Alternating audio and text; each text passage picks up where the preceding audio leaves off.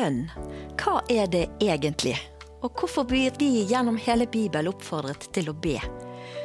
Hva kan vi be om, og hva skal vi ikke bruke tid på i bønn? Og er det egentlig vits i? Skjer ikke bare ting uansett? I kveld skal vi få snakke litt nærmere om hva bønn kan dreie seg om, sammen med tre gjester fra tre forskjellige generasjoner, som alle har tatt aktive valg i forhold til hva bønn er, og hvordan bønn har blitt til en viktig ingrediens i fellesskapet både med Jesus og med mennesker rundt seg. Bli med og ta samtalen om bønnelivet.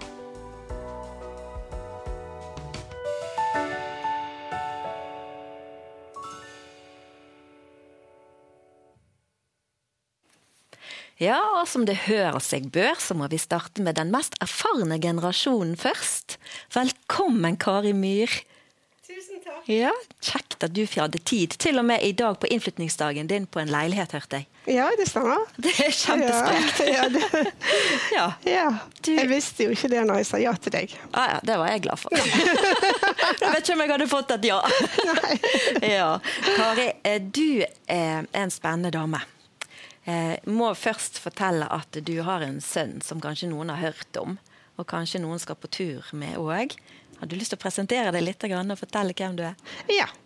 Eh, Jeg heter Kari Myhr, er pensjonert lærer. Og er gift med Sven Inge. Jeg har fire barn og eh, ti barnebarn. Fem jenter og fem gutter. Ja. Og så er jeg mor til Kjell Martin, som kanskje noen har eh, sett og hørt. Ja. Mannen til vår Linn her i Kristen Media Norge. Stemmer det, sier hennes svigermor. Ja, veldig fint. Ja. Og så bønn, det er jeg holdt på å si din greie. Ja. Det er noe som du har, er, er veldig bevisst i. Når startet dette for deg? Det er noe sånn at eh, jeg vokste opp i en kristen familie, så jeg har egentlig bedt alltid. Men um, i begynnelsen på 90-tallet så leste jeg to romaner av Frank Peretti, en amerikansk forfatter, som eh, skrev noe om hva bønn kunne gjøre i den åndelige verden. Der han kunne vis han visualiserte rett og slett hvordan, når de kristne ba, hva som skjedde med demoner. Og, og, det. og det ble, fascinerte meg så mye, og jeg ble så eh, overrasket over at bønn betydde så mye. At jeg tenkte at vi må be. Jeg må be mer. Og har begynt med en bønnegruppe i min menighet. Ja. Så det var begynnelsen Det var til at det var veldig Jeg syns det var så veldig eh, viktig å Ja. Ja. ja. ja. Og, og det motiverte deg fordi at andre hadde på en måte oppdaget litt eh, hvor viktig og betydningsfullt bønn er, og hva den kan utrette. Ja. Ja. Hva tenker du, hva har han utrettet i ditt liv? Hva har bønn gjort for deg? Eh, bønn har vært eh, en del av livet mitt, kan jeg si. Ja.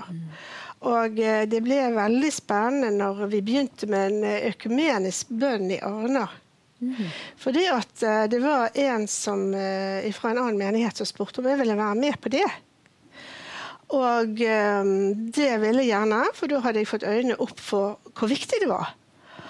Og det sa ja til. Så vi var tre eh, damer da, i tre forskjellige menigheter. Eh, en fra kirken, en fra misjonsmenigheten og en fra Indremisjonen. Og vi kalte inn alle eh, menighetene i Arna. Den gangen var det 14 gudshus, om jeg skal si det sånn. To kirker og tolv bedehus. Ja. Og vi kalte inn alle sammen til et møte og spurte om de kunne tenke seg å være med på dette. Og faktisk alle ville det. Ja. Og da gjorde vi det sånn at uh, vi satte ned en plan. Vi, vi fant ut at vi skulle be siste fredag i måneden. Og uh, vi satte opp en plan der vi besøkte hverandres menigheter siste fredag i måneden. Og eh, da, da la alle det inn i sine program. Alle menighetene la det inn i sine program, som at alle skulle uh, kunne delta på dette. Ja. Og eh, vi satte opp Vi sendte rundt et ark i begynnelsen. Nå er det digitalt. Men i begynnelsen så satte vi opp et ark der vi skrev når den forskjellige menigheten skulle ha bønnesamling, og bønneemner. Ja. Ja. Så vi ba for eh, hele bygden. Skoler, idrettslag. Ja. Så vi var innom det meste som skjedde i bygden. Ja. Ja. Og eh, vi opplevde det at det var utrolig godt å gå til hverandre. Besøke hverandres hus. Bli kjent med stedet de hadde be- bedehus, kirke. Bli kjent med menneskene. Og fant ut at eh, det var mye enklere å arrangere ting. Så vi arrangerte eh, bønnekonferanse med Håkon Fagervik. Alle sammen var med. Ja. Og vi har alltid hatt Bibeldagen. Der har alle vært med. Og det har vært eh, Altså, vi opplever det at vi er glad i hverandre. Ja. Vi snakker ikke stygt om noen vi ber sammen med. Nei. Så vi blir, eh, vi er blitt veldig glad i hverandre. Og eh, opplever at dette her, det har eh, Vi vet jo ikke hva det har gjort for bygden vår. Vi vet ikke alltid hva som vi har kanskje ja, hva som har skjedd i den åndelige verden fordi at vi har bedt sammen. Men jeg husker jeg hadde vandring gjennom Bibelen med, på alle skolene i Arna. Oi. Ja, dette er Arna. Det glemte jeg å si. Ja. Og eh, når jeg var på disse konferansene som vi hadde gjerne i Oslo, og vi, snak, vi snakket sammen, så viste det seg at jeg var den ene, det eneste stedet der alle skoler var representert. Ja. Ja, der vi fikk lov å dele ut bibler. Der vi fikk lov til å, å, å ha vandring gjennom Bibelen. Og, og da tenkte jeg mange ganger det er nok fordi at vi ber. Ja. Det ryddet en vei. ja, det ryddet en vei for Og vi vet ikke hva andre ting det har ryddet vei for. Vi, Men det har vært eh, Og nå har vi holdt på i 28 år. Kjempeflott. Ja. Og hvem er det som er med i eh, Du, du, du kaller det økumenisk. Det er Ja. kanskje et ord som for noen er litt ukjent? Ja, eh, det betyr at det er mange kirkesamfunn. Ja, så Der er Indremisjon og Frie Venner har det vært, og Misjonskirken og Norske kirke og, og ja, Indremisjonen, som sagt. Og um, eh, Pinsevenner. Ja, alle. Ja. Ja. Og hva, men hvilken generasjon? Er det alle generasjoner som er representert, eller er det, er det for noen? Hvordan? Det er nok eh, kanskje mest eh, på min alder, da. Men eh, det er nå ser jeg det at det er flere generasjoner som kommer sammen. Ja, det er det. Ja. Ja da. Det, hvor mange pleier dere å være på en sånn samling, da? det er, vi kan være alt fra seks til eh, tolv. 16, kanskje. Ja. Som representerer hver sine på en måte, menigheter og Ja. i fellesskapet. Ja. ja. Dette høres veldig spennende ut. Det tror jeg kan være for mange. Og jeg tror det finnes en del økumeniske fellesskap rundt i landet. Så det må vi jo bare heie videre på. ja. Og nå så skal vi få lov til å høre sannhetens ord fra Linda på Sanning sa- samtalesenter. Hør her.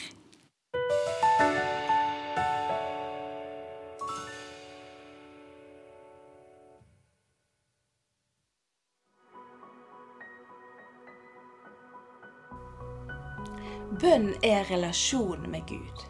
Bønn er de ordene som vi sier til Han, men det er òg sang, tanker, sukk, latter og gråt.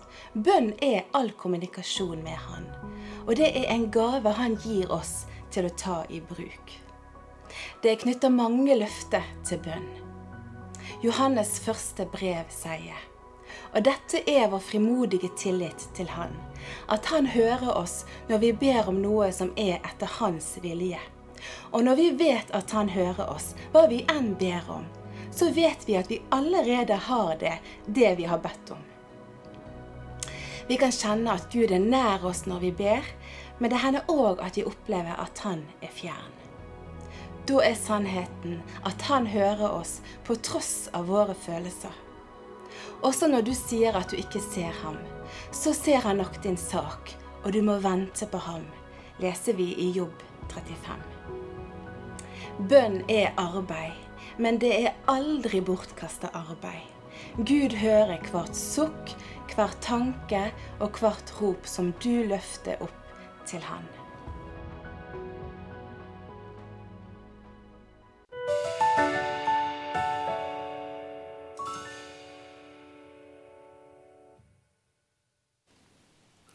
Ja, nå er det mange generasjoner på ett sted her.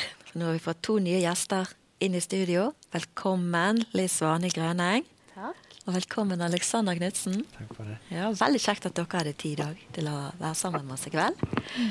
Kan vi få høre litt uh, hvem dere er? Vi begynne med damene? Det kan vi. Ja, det Ja. gjør vi.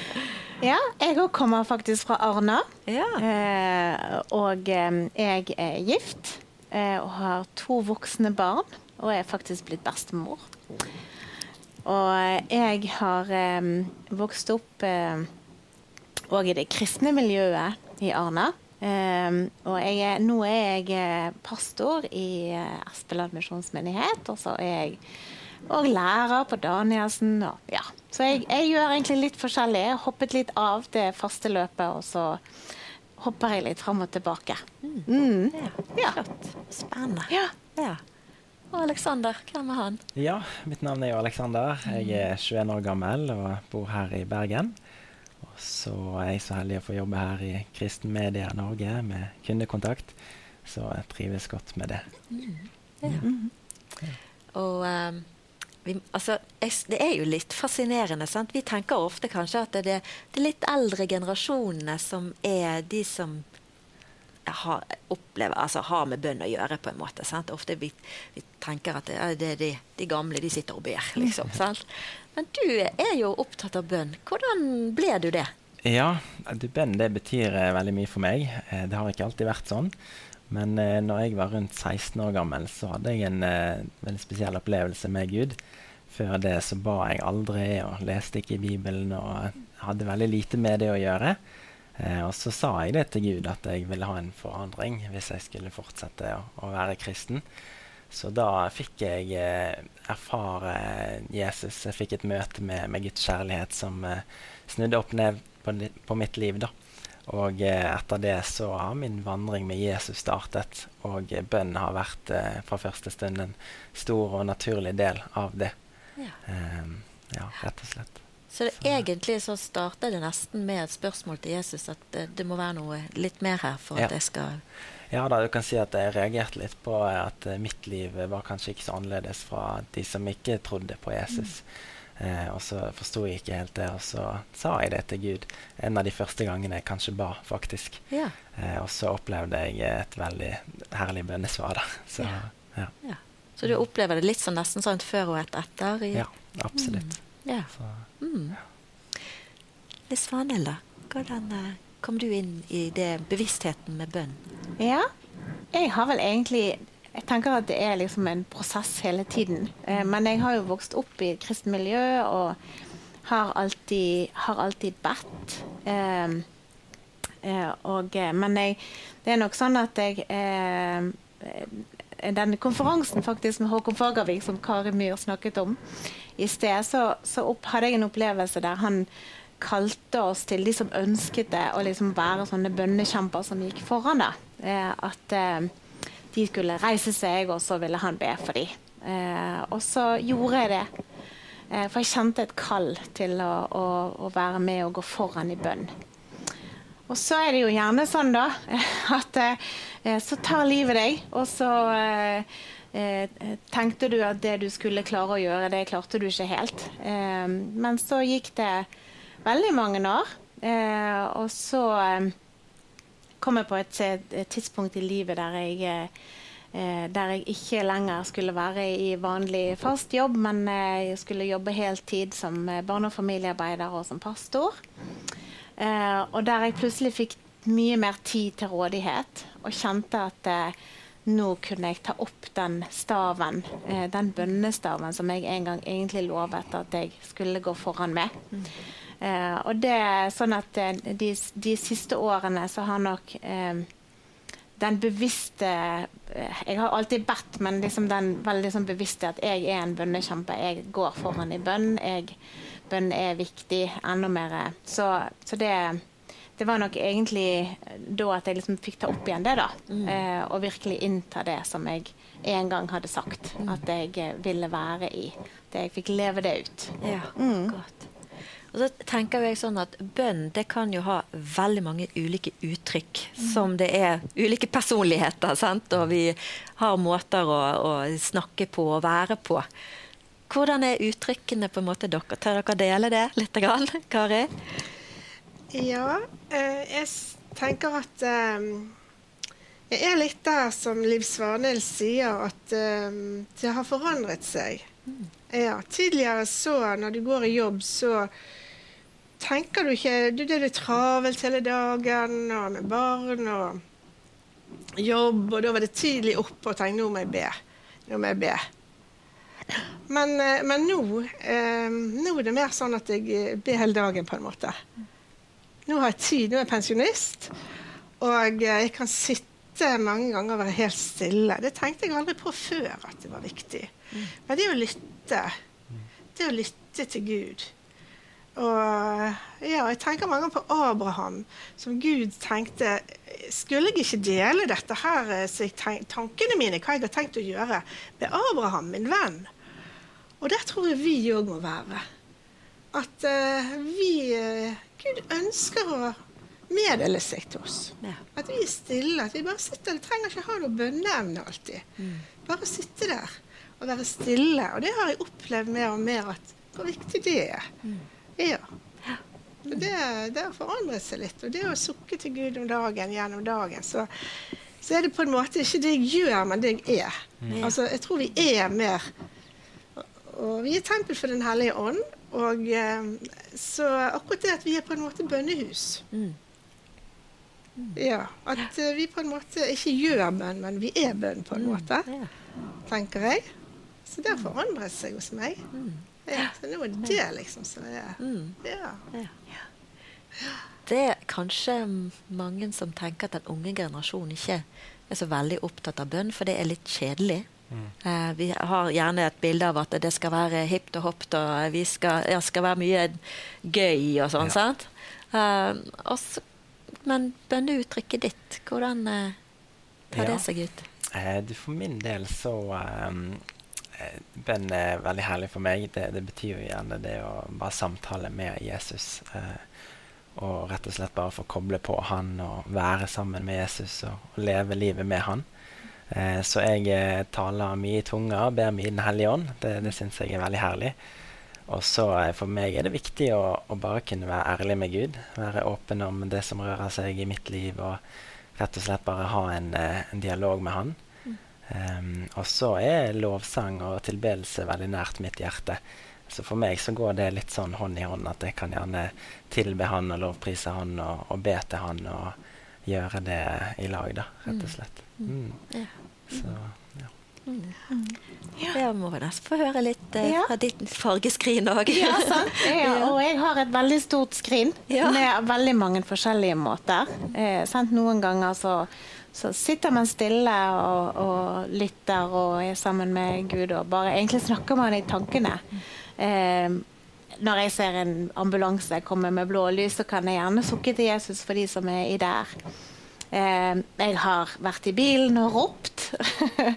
jeg kan eh, gå rundt og, og, rope til Gud. Jeg kan ligge på gulvet. Jeg kan eh, det, jeg tenker det finnes mange, mange forskjellige måter å be. Men det er, det er, sånn det er en vandring med Jesus. Det er en, en dialog. Jeg kan, jeg kan, gå i gangene eller gå et sted, og så kan jeg bare si 'Jesus'. Og så er, det, så, så, så er han der. Så snakker jeg med han. Eh, det er ikke tenker at det, det trenger ikke å se noe spesielt ut. Det finnes så veldig mange forskjellige bønneuttrykk. Mm. Mange måter å snakke med han på.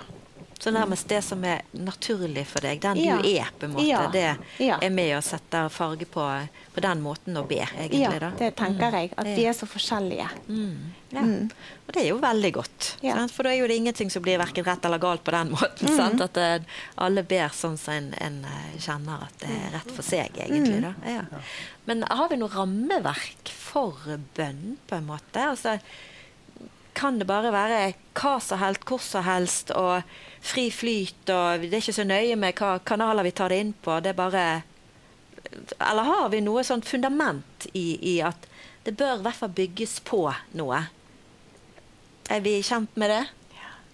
Jeg, tenker jo at det må jo være sånn at vi vet hvem vi ber til, i hvert fall. Ja. At uh, vi vet hvem vi henvender oss til. At ikke vi henvender oss til hvem som helst eller hva som helst. Eh, og så tenker jeg at det å komme inn i hans forgårder med takkesang, eh, det å, å bruke tid og takke han og ære han for det han har gjort i våre liv, og det han gjør for oss. Eh, og så tror jeg at det er viktig det å kunne lytte eh, etter hva han vil. Eh, eh, og han vil, han vil det. Han vil gjerne tale til oss og, og fortelle oss ting. Og så får vi lov til å komme til han og sukke over ting i våre egne liv, eller det er situasjoner, eller eh, sånne ting. Eller andre som vi, som vi ber for, eller Ja. Mm. Ja.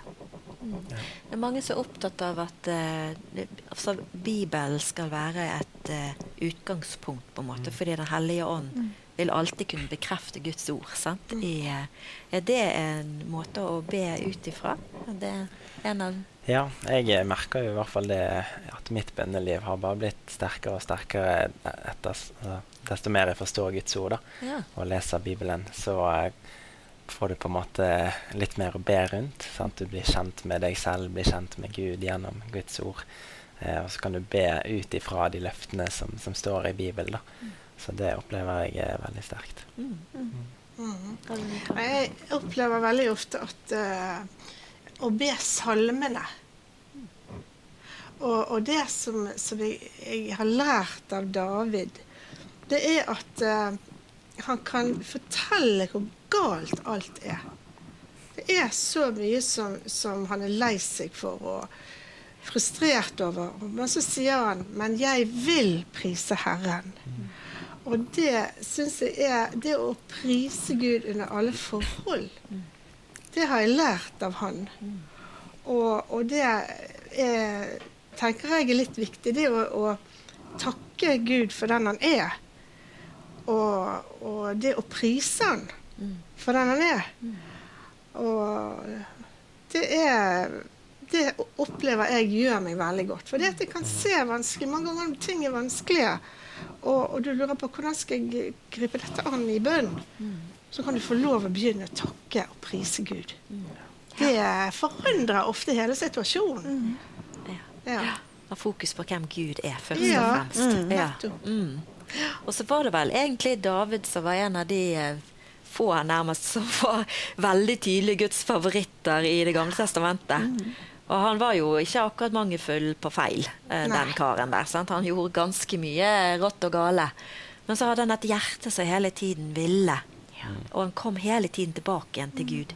Og det der med å være ydmyk og få Ja, rett og slett, Gud, du ser meg. Du ser alle greiene mine her, men vær meg nådig. sant? Sånn som tolleren som sto og ba, og fariseeren som var så høy på seg sjøl og mente han eh, gjorde jo alt rett. og Se på han der eh, synderen der borte. sant? Mens han hin, han visste om sin elendighet, og likevel Gud kan du være meg nådig. sant? Og, og hadde et hjerte som var egentlig i bønn. Og det er jo gjerne det som berører. Det Ja. Gud ser til hjertet. Ja. Og det er vel mm, Jeg har i hvert fall opplevd noen ganger at uh, noen ganger så bare blir bønn oppi hodet. på en måte. Altså Det er masse du, du sier, du har så mye bekymringer, og så bare pøser en ut masse tanker og masse bekymringer, masse følelser. Og så går det en stund, og så begynner det å roe deg ned, og så kjenner du bare Ja, men Gud, din vilje. Men det ligger jo nedi her. Altså, Da kommer det fram noe annet i bønn. Og så blir jeg mer opptatt av sånn som du sier, hvem Gud er. For det er han som kan snu alt på hodet. Ja. Ja. Det, er, Da blir det liv i bønnen når vi våger å slippe Gud inn i, i samtalen. Ja. Ja, det er veldig godt. Ja, og så opplever jeg det at eh, før så var det liksom Ja, nå har jeg bedt så og så lenge, og nå, nå, nå Gud, nå må du nå eh, Ja, svare meg, og og, og det er blitt så annerledes, fordi at um, Gud kjenner meg. Og Gud vet om situasjonen. Så på en måte så hviler jeg mye mer i bønnen og i å vite hvem han er. Istedenfor at, jeg, at det er meg som skal liksom gjøre det. Så er det han som gjør det. Og skal jeg få lov å hvile i det. Og det er så, så annerledes. Og så mye mer godt. Ja. Ja. ja, for det fokuset er jo ikke på oss, da. Nei. Det er utrolig befriende. Ja, veldig. ja. Ja, vi får lov til å overgi de som vi bærer med oss. De får vi lov å overgi i hans hender. Ja. Ja. Og så er det han som skal ta seg av det. Ja. Så det er det vi får lov til å gjøre i bønn. Ja. Og har dere merket det at når dere ber for noen, blir dere fryktelig glad i de dere Ja. ber for? Veldig. Det er Det syns jeg er, det er liksom clouet. Har vi en vi ikke er så veldig glad i, begynn å be for den. Ja. Det er For det, det, det blir nesten et resultat. Ja. Altså, når du virkelig går inn for Gud, du må gjøre noe for dette mennesket. Du må velsigne det. Ja. Og da bare kjenner en at det kan ikke noe annet enn å bli glad i personen. Nei, det er sant. Ja. Det er litt stilig. Ja. Ja. Ja. Ja. Og det er gjerne et uh, fint middel vi kan bruke når det er Mm. noen de syns det er vanskelig å være glad i. Ja. ja. Ja. Mm. Um, Gud kaller oss jo til å be for våre fiender. Eh, og jeg har et eh, veldig konkret eksempel på at eh, det var en situasjon på, på jobb for veldig mange år siden der jeg jobbet da, eh, som, var, som var veldig utfordrende. Og det var mange som sto mot hverandre, på en måte. Eh, og der jeg kjente meg veldig utfordret. Eh, og hadde egentlig grunn til å være både frustrert og sint på, på de.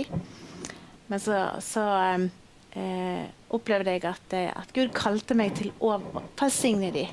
Og det var ikke en sånn veldig hjertelig bønn, sånn, jeg, sånn at jeg er veldig glad i dem. Men jeg, jeg sa Gud, må du velsigne de med min vilje. Eh, og det gjorde noe med mitt hjerte. Eh, det løste gjerne ikke opp i situasjonen, men det gjorde noe med min holdning til, til disse menneskene. eh, og det å kunne klare å møte de og være hyggelig omgjengelig med de rundt der. Ja, Så jeg tror på det. mm, Mm. Ja, flott. Nå før vi går videre i praten, så skal du få en liten eh, reklame. Gled deg. Sammen med kristne fra 100 nasjoner samles vi igjen til Ikais løvehyttefest i Jerusalem denne høsten. Dette blir en opplevelse for livet hvor vi hyller kongenes konge i hans egen by, og viser jødene at de har kristne venner over hele verden. Marius Svigart med team blir med og leder lovsangen i Jerusalem. Reiseledere blir Ingunn og Dag Øyvind Juliussen, Linn og Kjell Martin Myhr, Linda og Bjarte Ystebø.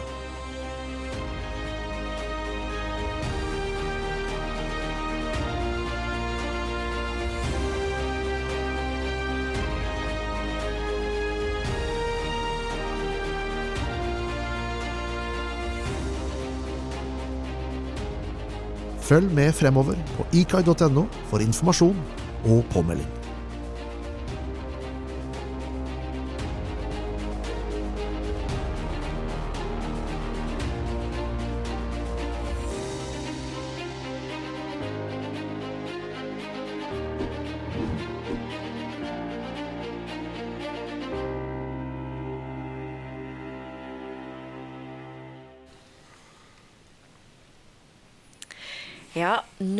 Det sånn at Liv Svanen hun begynte med litt erfaringer her på hva bønn kan gjøre med oss.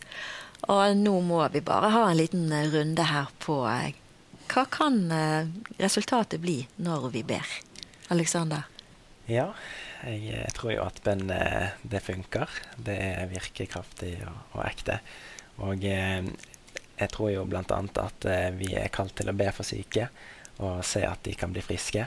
Eh, og der har jeg fått lov å oppleve i mitt liv eh, å, å be for andre mennesker og se at de faktisk blir helbredet da, eh, når vi ber. om det. Eh, og også for min del da at eh, jeg kan be og tale til min egen sykdom og, og se at det forsvinner. Mm. Eh, så det har vært veldig herlig. Og så tror jo jeg også at Gud elsker å svare på um, Kall det gjerne litt sånn kanskje enkle bønner om at lær meg f.eks. å elske deg mer, Jesus. Eh, gi meg en større hunger for ditt ord. Eh, og ting som kanskje omhandler en kjernen i evangeliet. da. Eh, og det har jeg erfart flere ganger. At, eh, ja, at Gud elsker å bare øke på og, og gi, gi, oss mer av Han når vi ber om det. da. Mm. Så eh, det er veldig herlig. Ja. Ja. ja. Jeg opplever det at um, jeg får jo bønnesvar hele tiden, nesten. I løpet av dagen. Sant? Du ber om mange forskjellige ting når du er oppe i en situasjon. Så, så får du bønnesvar, og, og Gud er bare god. Og av og til så Jeg husker vi, hadde, vi skulle på tur. Vi skulle på en busstur. Det var Europa. Og vi hadde så lyst til å ha noen venner med, og de hadde messe på denne turen. Og så um, ble de så dårlige.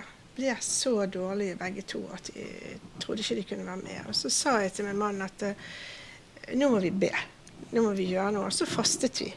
Fastet vi noen dager og ba for dem, og de ble med. Og når de kom hjem igjen, så sa de at eh, jeg skjønner ikke dette her. For vi var jo med på alt det som alle de andre var med på. Så det, ja, og sånn opplever jeg mange ganger at eh, Gud virkelig svarer og gir oss så flotte tilbakemeldinger på bønn, og, av og til i forbindelse med faste. Ja, så det er Ja. Det er bare så Han er så god. jeg har jo opplevd faktisk om å, å be veldig lenge. Og det er noe av det som er eh, det er kanskje noe av det som jeg bærer med meg også som en erfaring, det er at eh, Guds tidsregning er helt annerledes enn vår tidsregning. Og han ser noe helt annet enn gjør, vi gjør. For jeg, eh, vi var i en situasjon der min mann eh, sa opp jobben sin for å være hjemme med vår yngste, og så var ikke det så lett å få jobb igjen. Så, så, han var faktisk eh, hjemme egentlig ufrivillig i elleve år. Eh, og det i den perioden sant, så ba jeg og ba og ba, fastet og eh, prøvde alt, liksom. Alle, alle midler. Og så, så, ble det ikke noe resultat. Han fikk ikke jobb, og han søkte jo masse forskjellig og sånn. Um, men så på et tidspunkt så, så sa jeg til Gud vet du, nå, nå gir jeg det bare til deg. Nå kan ikke jeg stå i dette lenger. Og da gikk det bare noen måneder, og da så fikk han en telefon fra en som ønsket å ha han eh, som arbeider hos seg. Mm. Og det var en perfekt jobb. Ja. Eh, så, og det som, er, det som, vi kan se sånn, når jeg ser tilbake, så var det egentlig utrolig godt å ha han hjemme. For vi hadde små barn, og han var der, og han var flink i huset. Og, så når jeg kom hjem til ferdig middag og ryddet hus og, eh, og det var utrolig godt. Det var egentlig en velsignelse å få lov å ha han der eh, for oss alle sammen. Så Gud hadde bare en helt annen oversikt eh, enn det som vi hadde. Mm. Så vi skjønte det jo ikke. Mm. Eh, men den var, det var perfekt. Ja. ja. Og det var jo litt sånn det er litt sånn eh, oppmuntring da, for veldig mange som mm. står gjerne i en langtidsbønn. Ja. For det, eh, vi vil gjerne ha sånn quick fix. Mm. Ja. Helst nå har vi bedt, og så er ja, det, du får fem minutter, og så bør helst noe skje. Sant? Det der også å være utholdelig i bønn. Ja. Hvordan klarer vi det? Ja, hvordan klarer vi det? Jeg, eh, jeg, tenker at eh, sant, i, i, vårt eget bønneliv at vi bare vi, står bare på. Men jeg tror jo òg det å søke sammen med andre mm. det å stå sammen med andre og vite at det, vi er flere som står sammen og ber sammen. og At det òg er en styrke. Mm. Eh, og ikke gå alene med det, men, men være flere som heier på hverandre og eh, ja. Mm. Eh, og søker forbønn og søker oppmuntring og, og bare presser på. Mm. Eh, sånn, du har den sangen som heter 'Å, jeg kommer nå, jeg trenger meg på'. Mm. Eh, og det kan vi få lov til å gjøre. Mm. Eh, og så og, og se òg til Guds ord. Sånn, det er sånn, Du snakket om Abraham, og Abraham ventet lenge før han fikk bli pappa. Eh, og det må jo ha, ha vært ganske vanskelig å stå i det. Men så svarer Gud i den tiden som er, er, som er rett. Og det var det vi òg fikk erfare.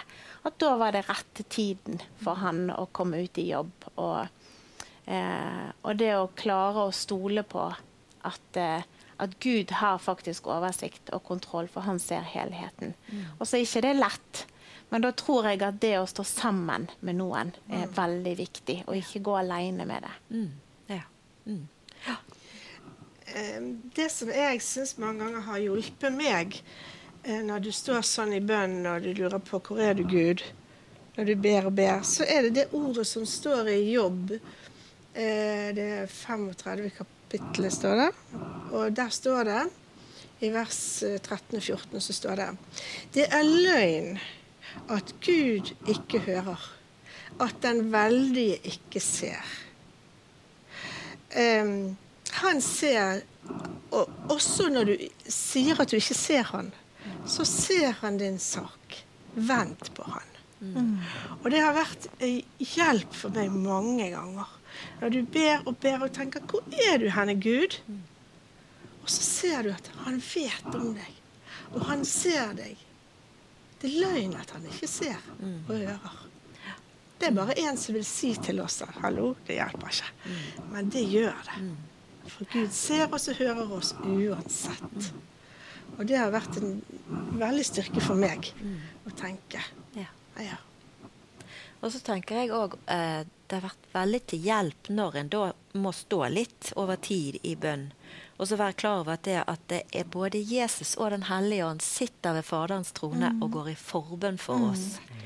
Og bare det å vite at de ber for oss og jeg bare, oi, oi, oi. Da blir jeg faktisk mer opptatt av at ikke jeg skal formulere mine egne bønner, men at jeg får Jesus gi meg nåde til å koble på dine bønner og dine forbønner. Så jeg kan få bruke røsten min og si ut de bønnene. For det må nå garantert gi bønnesvar. sant? Eh, ja. Sånn at det blir hans gjennom oss.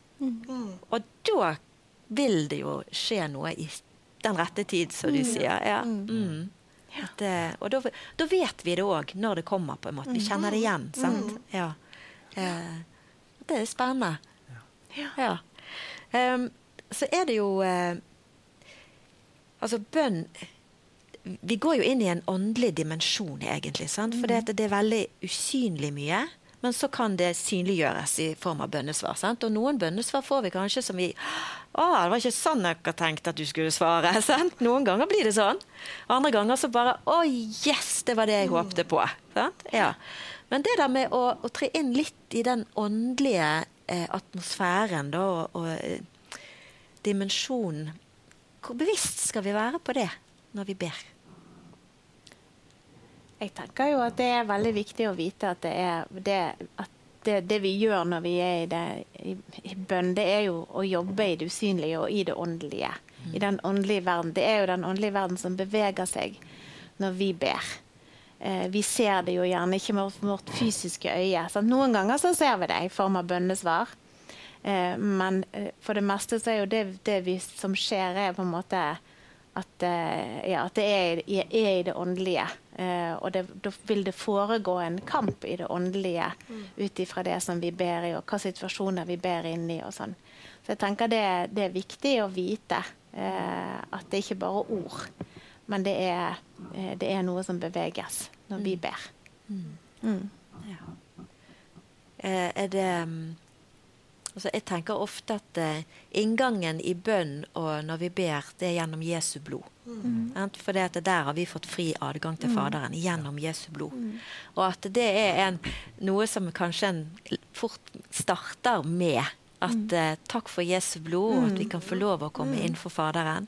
Og så få lov til å, å be ut det som en da gjerne ofte kjenner at Den hellige ånd virker fram i oss. Det- for det er jo noen ganger at eh, vi begynner å be for en person, og så plutselig kjenner vi Oi!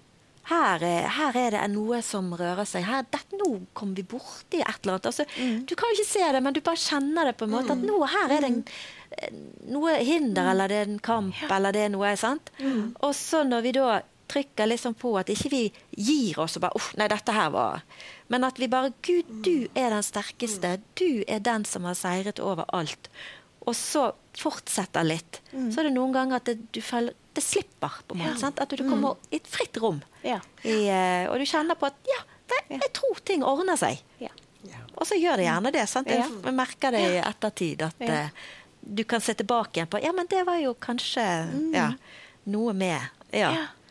Um, og jeg vet ikke Når dere er hvor kjent dere er med å, å be for mennesker så, som søker forbønn og sånt. Ja. Eh, hvordan møter vi mennesker i For det, altså, dette òg er jo i det åndelige rommet. Det er når, når noen kommer og vil ha forbønn for noe.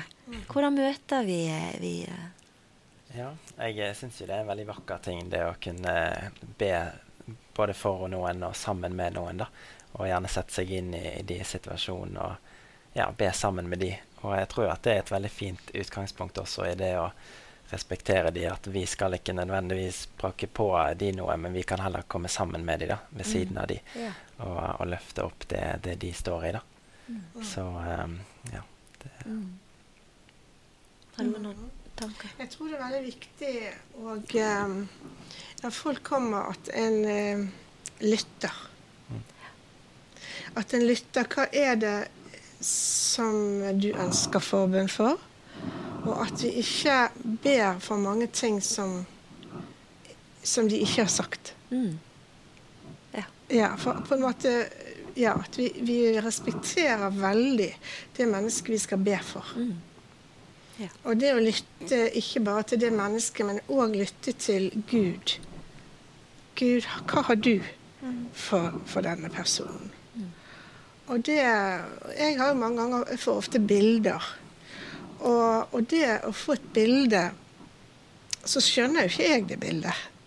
Men jeg deler det og sier kan dette bety noe for deg? Og så blir jeg jo overrasket mange ganger over at det betyr noe for den som et merkelig bilde i, min, i mitt hode.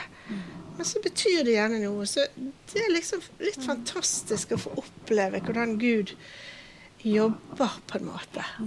At han kan bruke lille meg til å ja, formidle noe fra seg. Ja. Ja. Og du som pastor, du er vel eh, kanskje òg mye i forbønnstjeneste? Ja. Eh, det blir jo litt eh, eh, samtaler og bønner og sånn. Eh, og jeg òg eh, tenker det å, å møte mennesker med respekt og varhet og eh, sant? Og noen ganger kan man jo bli utfordret av det de ønsker forbønn for. Eh, og det da å være ydmyk og prøve å lytte etter hva Den hellige ånd ønsker at man skal be inn i, og å be for det som de ber om. Og så og resten for resten være en samtale mellom meg og Gud, og ikke høyt. Eh, så det, det er kjempeviktig. Eh, og jeg har opplevd mange ganger sant, at du, du ber for noe, og så, eh, og så skjønner du at det du har, har bedt for, det har gjort noe med de. At du bare du bare vet på en måte hva du skal be for, eh, og så ber du det, og så berører det mennesker, og så forløser det noe, eller Ja. Ja. Og det er veldig utrolig fint og spennende. Eh, og så er det òg kjempe sånn, du, du vet ikke. Så du, du, det er viktig å være forsiktig og, og respektfull og, og ydmyk i, i den situasjonen der. Det er en sårbar situasjon. Mm, ja. Og det er jo noen som, eh, som får type kunnskapsord. Sant? Et mm. budskap eller en beskjed de opplever skal sies. Mm. men det er vel alltid sånn òg at eh, den som får den, eh, har en rett til å prøve det og finne ut om eh, stemmer dette eller ikke. For det er jo ikke bare sånn automatisk at når, hvis jeg ber om forbønn, så skal jeg bare sluke alt som sies og gjøres og bare ja da. For det, sant? Det er jo noe med at vi har vår rett til å prøve på. Ja, eh, på både Guds ord og om dette kan stemme. Ja. Ja. og så eventuelt legge fra seg hvis jeg, nei, jeg skjønte ikke helt dette, men det, hvis dette er noe fra Gud, så vil han Ja. ta det opp igjen. Ja. For, det vil jo Gud forstå. Ja. Ja. Ja. Og det gjør jo det litt tryggere kanskje både å be for andre og mm. kunne ta imot forbønn. At uh, det Gud vil ha fram, det får han ypperlig fram uansett, på en eller annet vis. Ja. Ja. Ja. ja, det er jo eh, gjerne en læringsprosess. Både det å gi et ord man opplever, og det å ta imot. Ja. Ja. Og eh, Bibelen sier at vi skal la Kristi fred råde i hjertet. Eh, og eh, jeg tror det er en veldig fin måte å på en måte kjenne etter eh, hva Den hellige ånd sier. Om du kanskje kjenner fred for det som blir sagt, eller om du heller kanskje merker at det er en litt uro, så kan du heller legge det bort og kanskje besøke det senere. Men eh, det, er jo, det er jo en reise, og det er viktig å lære å stole på Gud i det. da. Ja. Mm. ja. Det er sant. Og nå skal vi få lov til å få en andakt eh, med Inga Birgitte Setre Knutsen. Kos deg med den.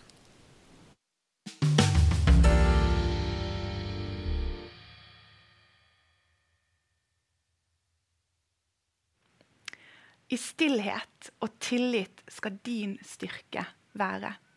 Jesaja 30 vers 15 er et kjent og kjært vers for veldig mange av oss.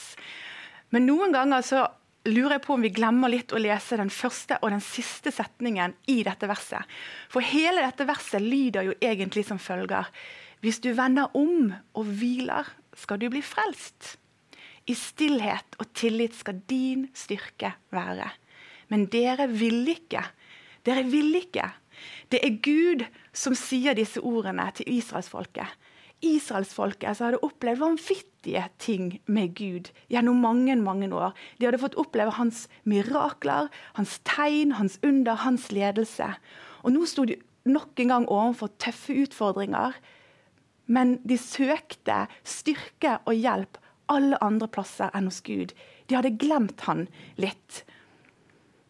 I Isaiah 30 vers 2 så står det til og med at israelsfolket valgte å søke hjelp hos Egypt. Egypt av alle plasser. Egypt som hadde holdt de fanget og som slaver i mange, mange år. Der søkte de hjelp uten i det hele tatt å spørre Gud om råd. Og Selv om Jesaja 30 handler om israelsfolket, så er noe av grunnen til at jeg har blitt så fascinert og opptatt av dette kapitlet i Bibelen, er fordi at jeg egentlig, hvis jeg skal være helt ærlig, finner veldig mye av meg sjøl i disse versene.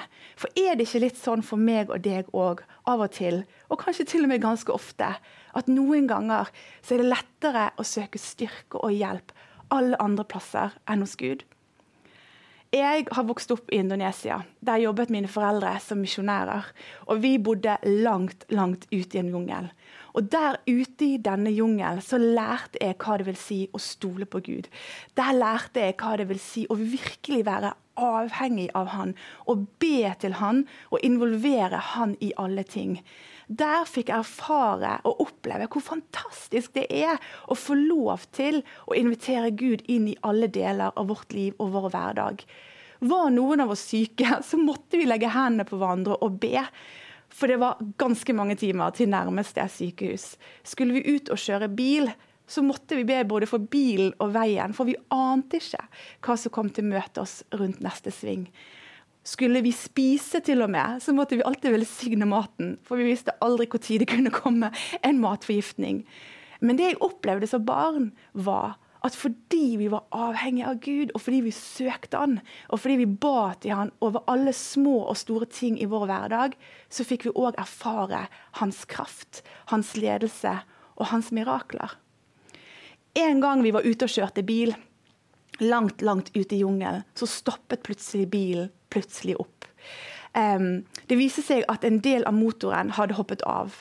Og det begynte å bli mørkt. Det var ikke en trygg plass å være. Hva skulle vi gjøre? Det eneste tingen vi kunne gjøre, var å legge hendene på den bilen og be. Jesus, kom og helbred denne bilen. Så vi sammen, jeg var bare et lite barn, men jeg husker det så godt, at vi var en gjeng som stilte oss rundt bilen, la hendene på panseret og ba om at denne motoren skulle startet. Gikk inn i bilen, prøvde å starte. Den funket ikke. En gang til, la hendene på bilen og ba. Um, startet bilen, prøvde i hvert fall å starte bilen, startet ikke. Siste gang la vi hendene på panseret og ba i Jesu navn. Bilen startet og kjørte oss hele veien hjem.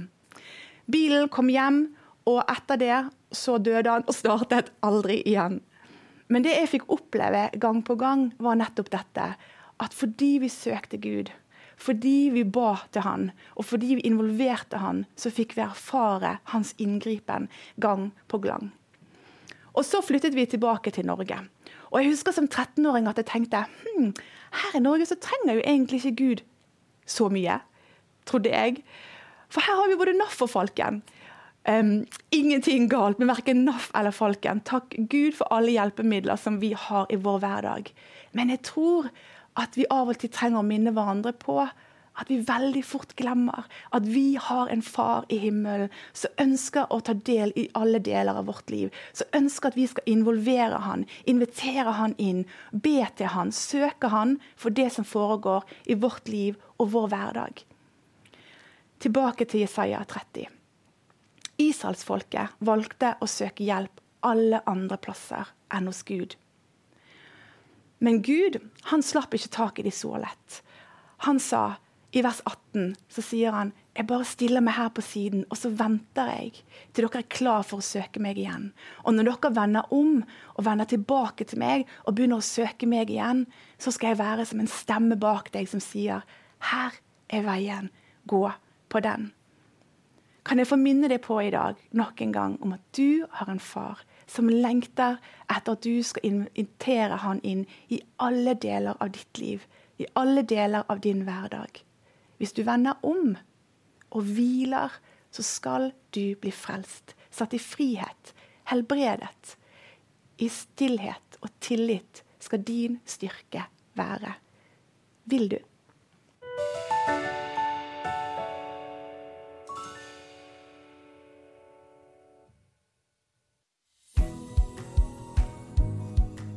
Vi som tror på Gud, tror også på noen evige og urokkelige sannheter.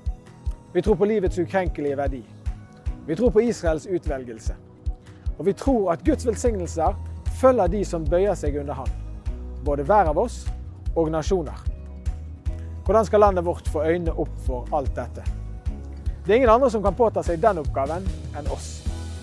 18. og 19. august er landets øyne vendt mot Oslo symposium. Det er vårt øyeblikk. Da kan vi vise vei. Bli med oss når vi gjør en kraftfull markering av evige sannheter som dette landet lengter etter å høre. Du finner alt du trenger å vite på oslosymposium.no, eller ved å ringe til oss på 5510 1000.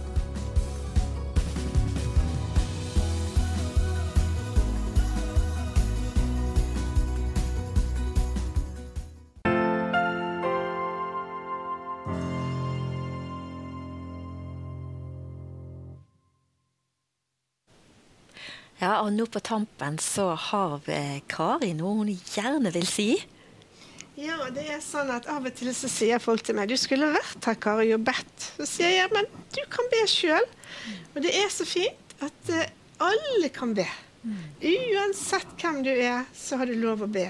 Denne retten den er for alle. Ja. ja. Mm, kjempeflott. Det er du enig i, Aleksander? Du er enig i det. Og eh, noe av det som ble et stort vendepunkt for meg i bønnelivet, det var når jeg eh, plutselig fikk en åpenbaring om at Gud vil være med meg mye mer enn jeg faktisk vil være med Han. Eh, og, og, det er jo det bønn handler om, å være sammen med Jesus. Og vi ser det gjennom hele Bibelen at han eh, lengter etter å være med sitt folk, være med sine barn. Eh, så da er det ikke lenger noe som vi må prestere og prøve å få kontakt med Gud. Men han er allerede der fra første stund, og han elsker å være med oss. Så det ble en veldig herlig åpenbaring for meg. Mm. Så Gud ønsker virkelig å være med alle sammen, og at mm. uh, det å be til Han, det skal være enkelt. Mm. Ja. Og den relasjonen som uh, han hadde med Adam og Eva i hagen før de uh, var, gjorde den tabben de gjorde med det eplet, så var jo han, han gikk jo tidlig og leitet etter dem sant? og ville være sammen med dem i hagen. Og det er jo det Jesus har gjenopprettet for oss. Sant? At vi får lov til å være sammen med han gjennom det Jesus har gjort. Og da er jo alle kvalifiserte til egentlig å få Faderens oppmerksomhet. Ja, absolutt. Og det er noe vi må ta med oss videre. Både du og jeg. Gjennom det Jesus har gjort, så får vi Faderens oppmerksomhet når vi spør ham og han vil være med oss. For han vil, som Alexander sier, alltid være med hverandre med oss. Og tusen takk til dere for at dere kom og ga oss litt innglipp i deres bønneliv og hvordan dere er sammen med Jesus. Og så må vi bare oppfordre hverandre til å stå sammen, skulder med skulder, og be for hverandre, for landet vårt, for det som er utfordrende. For bønn virker, og da kan vi gjenspeile hvem Gud er når vi er sammen med Han i bønn. Takk for at du var med i samtalen. Vi sees en annen kveld. Gud velsigne deg.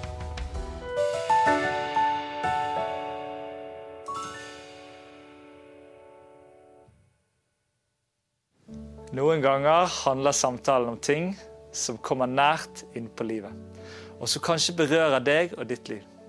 Da kan det være du tenker dette skulle du ha snakket med noen om. Det finnes heldigvis noen som kan hjelpe deg, og her kommer en liste med trygge kristne samtaletjenester rundt om i landet, som gjerne tar imot deg og ditt behov.